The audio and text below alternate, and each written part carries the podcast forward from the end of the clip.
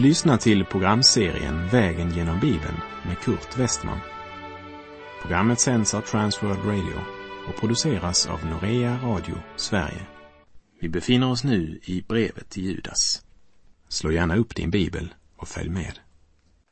Vi avslutade förra programmet med att aposteln Judas, Jakobs bror, önskade att barmhärtighet, frid och kärlek i allt rikare mått skulle komma dem till del. För med kärleken följer också en kunskap. Och denna Guds frid och kärlek är det enda vapen som duger i kampen mot den kunskap som är utan sann kärlek. Och Judas säger att orsaken till att han ser det absolut nödvändigt att undervisa dem om dessa ting är att det har nästlat in sig vissa personer i Kristi församling. Judas brev kapitel 1, vers 4. Ty hos er har det nästlat in sig vissa personer. Om dem är det redan för länge sedan skrivet att de skulle drabbas av domen. Gudlösa som de är förvanskar det vår Guds nåd till försvar för ett liv i utsvävningar och förnekar vår ende härskare och Herre Jesus Kristus. Här hänvisar Judas till profetskrifterna som talade om falska profeter och falska herdar. Ty både profeter och präster är gudlösa. Även inne i mitt hus finner jag deras ondska, säger Herren. Står det i Jeremia 23.11 och han fortsätter i Jeremia 23.16. Så säger Herren Sebaot. Lyssna inte på orden från de profeter som profeterar för er, ty de bedrar er. Sina egna hjärtans syner talar de, inte vad som kommer från Herrens mun. Redan de gamla profetskrifterna vittnade om att ingen falsk profet eller präst kan gömma sig på så hemligt ställe att Gud inte hittar honom, säger Herren i Jeremia 23, 24. Gamla testamentets skrifter är full av profetior som talar om att den som förvanskar Guds ord drabbas av Guds dom till sist. Och nu påminner Judas om detta. Det är som han säger. Det här är alltså inte något som jag har hittat på, utan om dem är det redan för länge sedan skrivet att de skulle drabbas av domen.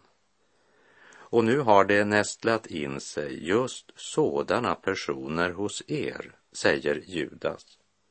Nästlat sig in, det är ett mycket intressant ord på grekiska som talar om att gå in genom en sidodörr, smita in bakvägen så att säga. Jag har varit pastor i många år och jag har under stor smärta sett den ena organisationen eller församlingen efter den andra bli mer och mer liberal i sitt bibelsyn. Därmed lämnade jag det samfundet. Jag blev inte körd ut. Jag lämnade frivilligt. Jag är fortfarande pastor, men tillhör inget samfund. Och det är min bön som radiopastor att bröder och systrar som tillhör metodisterna, lutheranerna, baptisterna, pingsvännerna, frälsningsarmén eller något annat samfund ska bli välsignade genom vårt bibelprogram.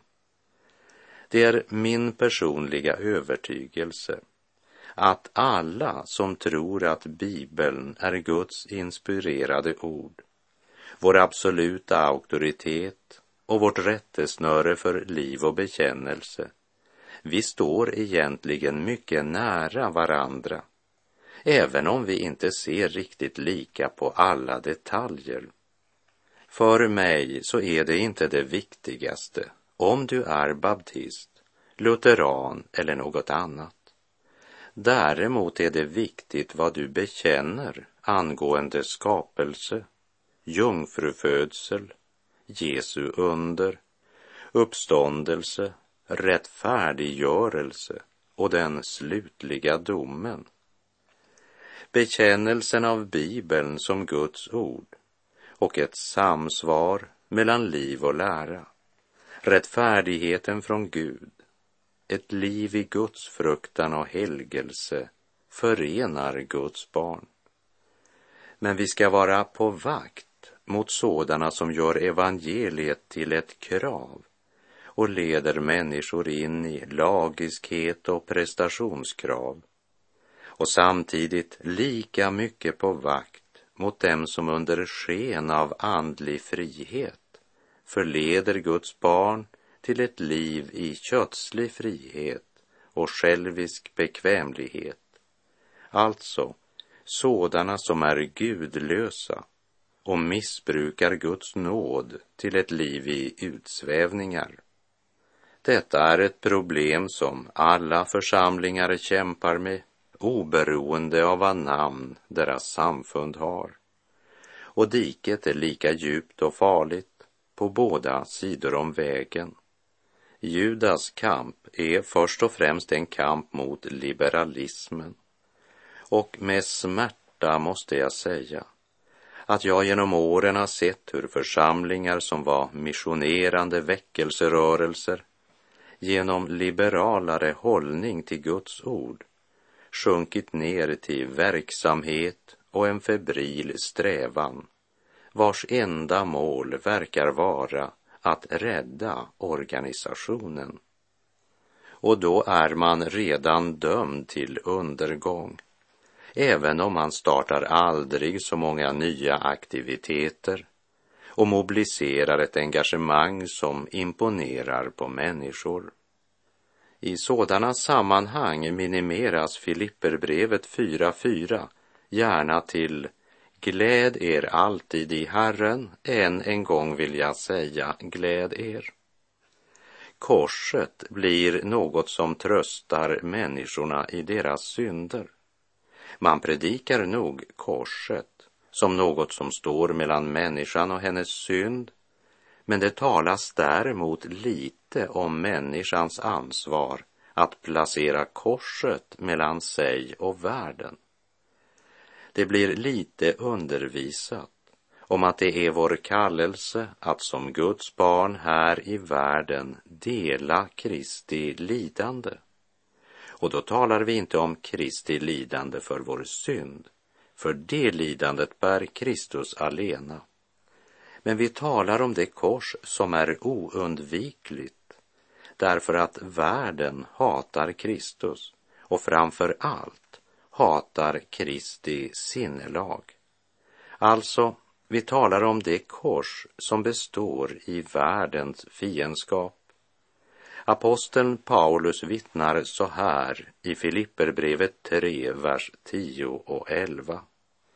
Jag vill lära känna Kristus och kraften i hans uppståndelse och dela hans lidanden genom att bli lik honom i en död som hans.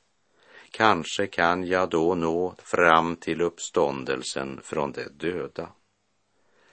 Det handlar alltså inte om en kraft som gör oss stora, utan om en kraft som visar sig på så sätt att vi är tålmodiga och uthålliga när vi möter lidande för Jesu namns skull.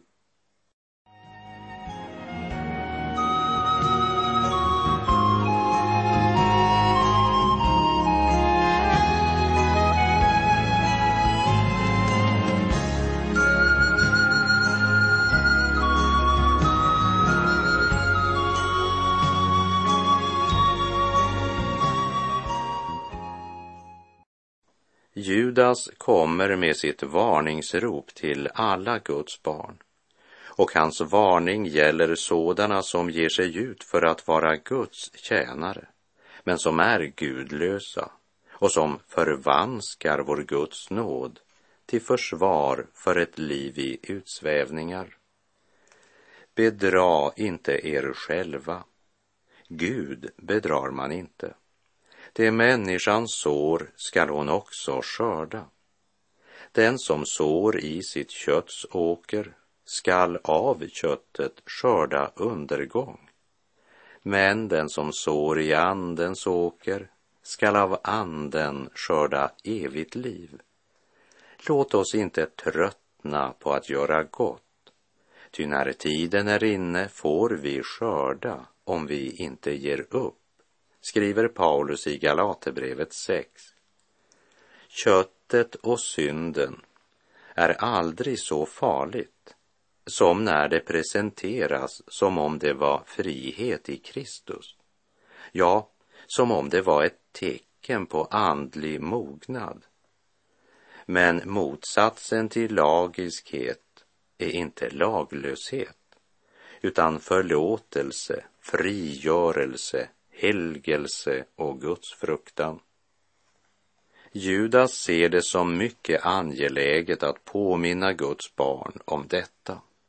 Och även Paulus talar om sådana som är falska apostlar, ohederliga arbetare, men ändå uppträder som Kristi apostlar.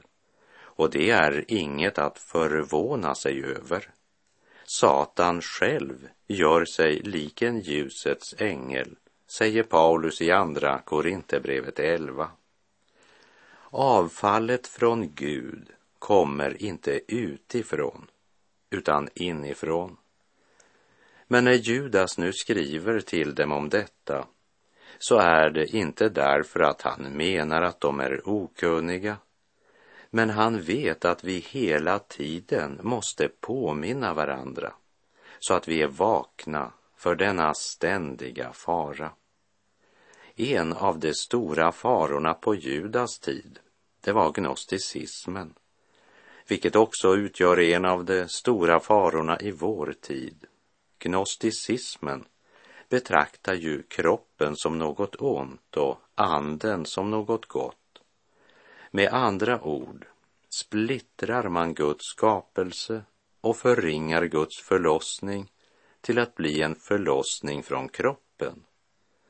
Enligt gnosticismen är det alltså inte hela människan som är innefattad av Guds frälsningsverk. Men när Bibeln talar om människans hela personlighet talar den om människans hjärta som en enhet för allt vad människan är. Gud har skapat människan med ande, kropp och själ. Och om man genom falsk undervisning splittrar upp människan kan det lätt leda till att vi inte behöver vara så noga med vad kroppen gör. För det är ju i anden man lever trons nya liv. I Romarbrevet 8.13 står det Om ni lever efter köttet kommer ni att dö. Men om ni genom anden dödar kroppens gärningar ska ni leva. Och i det sammanhanget är anden Guds ande. Vad jag vill säga är detta. Vandra i anden så kommer ni inte att göra vad köttet begär, skriver Paulus i Galaterbrevet 5.16. Vad vill det säga? Att vandra i anden. Det första som är viktigt att nämna här, det är att du får inte låta Satan lura dig att sno det hela upp och ner. För Satan säger, nu måste du verkligen försöka att inte göra det som köttet vill. Då börjar du vandra i anden. Precis som om att vandra i anden eller låta sig ledas av anden skulle vara belöningen för att inte ha gjort det som köttet har lust till. Det är att förväxla metod och konsekvens. Och den enda rättfärdighet som uppnås på den vägen, det är självrättfärdighet. Och det leder antingen till självmedlidande eller till självberöm.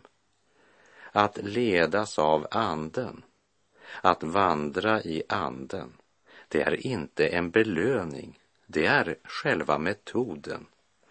Och det som du upplever så hopplöst, det är i verkligheten ditt enda hopp.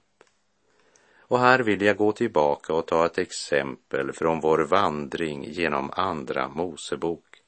Andra Mosebok 17, vers 10 till och med 12. Och Josua gjorde som Mose hade sagt honom och gav sig i strid med Amalek. Men Mose, Aron och Hur steg upp överst på höjden. Och så länge Mose höll upp sin hand rådde Israel. Men när han lät sin hand sjunka rådde Amalek. Och när Mose händer blev tunga tog de en sten och lade under honom och på den satte han sig. Sedan stödde Aron och Hur hans händer, en på vardera sidan. Så hölls hans händer sig stadiga till dess solen gick ned. Den avgörande kampen utkämpades på bergshöjden. Den utkämpades i bön. Så länge Mose höll sin hand uppe, det vill säga tog emot den av Gud givna segern, så länge segrade Israel. Mose står uppe på höjden, men han står inte tomhänt. Han har Guds stav i sin hand. Och det är viktigt att se att den helige Ande är den ende som kan ge oss seger över köttet. Segern kommer genom att vandra i anden. När vi vandrar oberoende av Gud eller i egen kraft, då får Amalek eller köttet lätt makten över oss och besegrar oss. Så länge Mose höll sin hand uppe rådde Israel. Men att vandra i anden, det är inte en belöning för att du har låtit bli att göra det som köttet har lust till. För om du tänker, nu ska jag försöka låta bli att göra köttets gärningar, då vandrar jag i anden.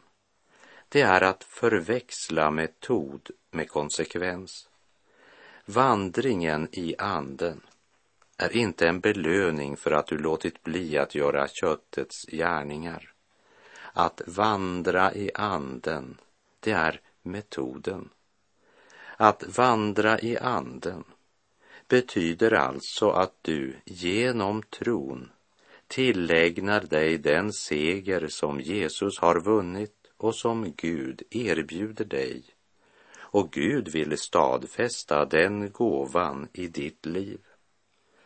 Judas skriver sitt brev med tanke på de villolärare som under sken av att förkunna Guds ord och under sken av evangelisk frihet i verkligheten inte alls är evangeliska, men evangelastiska. De är gudlösa och missbrukar Guds nåd till ett liv i utsvävningar, säger Judas.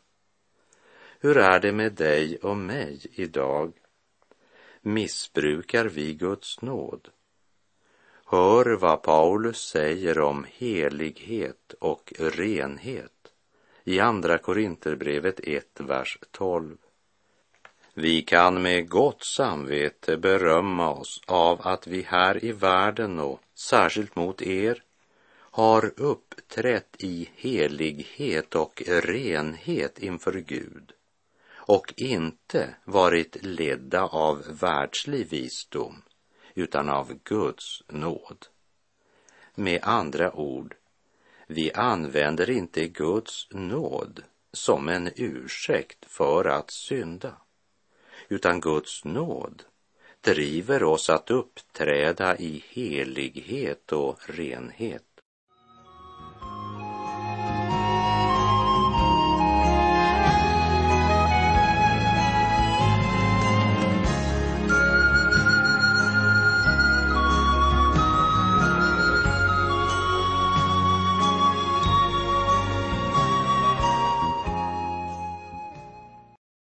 Läser Judas brev kapitel 1, vers 5. Även om ni redan vet allt vill jag påminna er om hur Herren räddade sitt folk ur Egypten och sedan dödade dem som inte trodde. Befrielsen från Egyptens träldom stod centralt bland judarna och repeterades ofta i undervisningen. Jag vet att ni har hört det så många gånger att ni kan det utan till. Men risken är att ni har hört det så ofta att ni tänker att det här, det kan vi.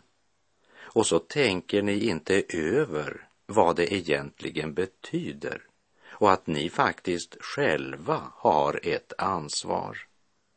Ni pratar så mycket om befrielsen, om förlossningen, men ni talar nästan aldrig om att många av dessa förlossade faktiskt sedan blev dödade i öknen på grund av sin otro.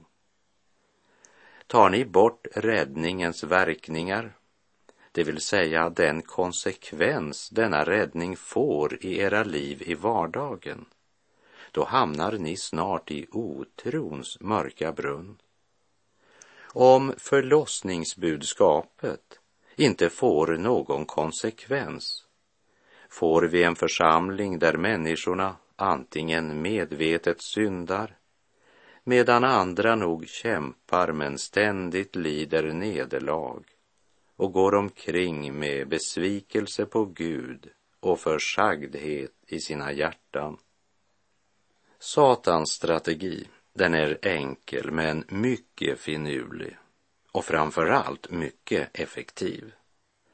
Därför vill Judas påminna dem om hur Herren räddade sitt folk ur Egypten och sedan dödade dem som inte trodde. Här ska vi ta tid att repetera några verser från vår vandring genom Första Korinterbrevets tionde kapitel. Första Korinthierbrevet 10, vers 1 till och med 6. Bröder, jag vill att ni ska veta att alla våra fäder var under molnskyn och att alla gick genom havet. Alla blev i molnskyn och i havet döpta till Mose. Alla åt samma andliga mat och alla drack samma andliga dryck. De drack ur en andlig klippa som följde dem och den klippan var Kristus. Men de flesta av dem hade Gud inte behag till. De föll och låg kringspridda i öknen. Det som hände dem har blivit ett varnande exempel för oss för att inte vi, liksom de, skall ha begär till det onda. Att ha gått genom Röda havet är ingen garanti för att nå målet. Alla var döpta till Mose. Men det är ingen hjälp att vara döpt till Mose om man inte själv har ett personligt förhållande till Mose Gud. Det hjälpte inte ens att de drack av samma andliga dryck. Och lägg märke till att det står inte några, men det står de flesta av dem hade Gud inte behag till. Alla blev döpta till Mose. Alla drack samma andliga dryck, men de flesta hade Gud inte behag i. Varför skriver Paulus om detta?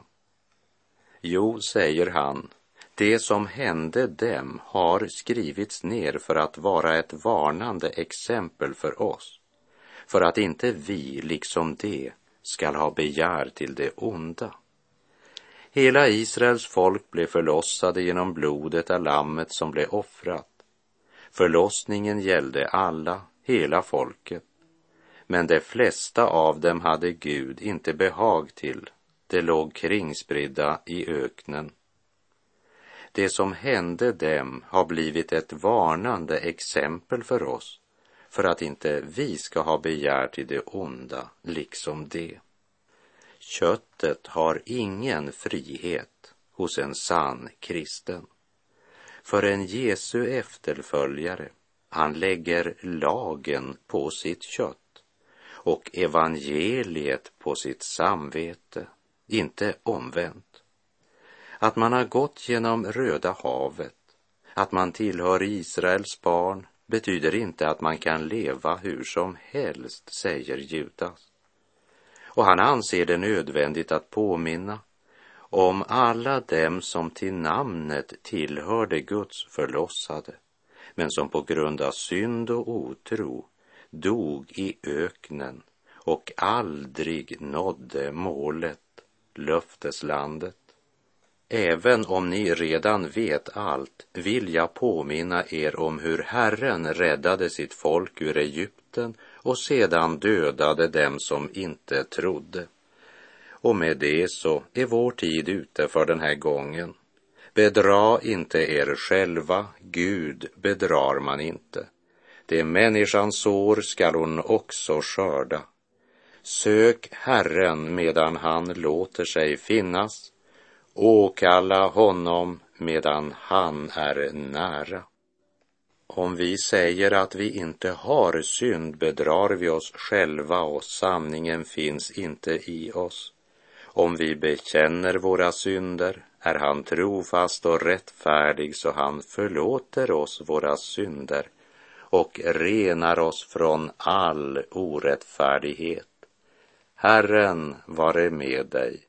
Må hans välsignelse vila över dig. Gud är god.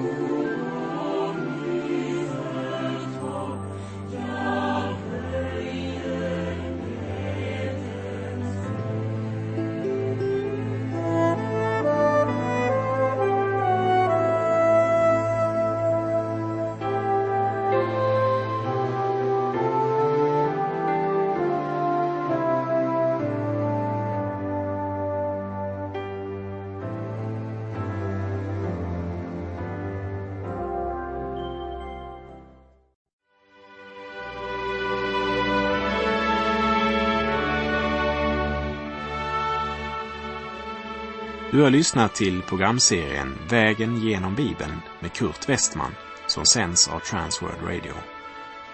Programserien är producerad av Norea Radio Sverige.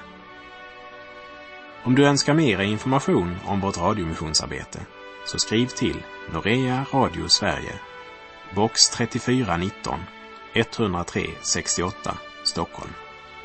Adressen är alltså Norea Radio Sverige box 3419. Postnumret 10368 Stockholm.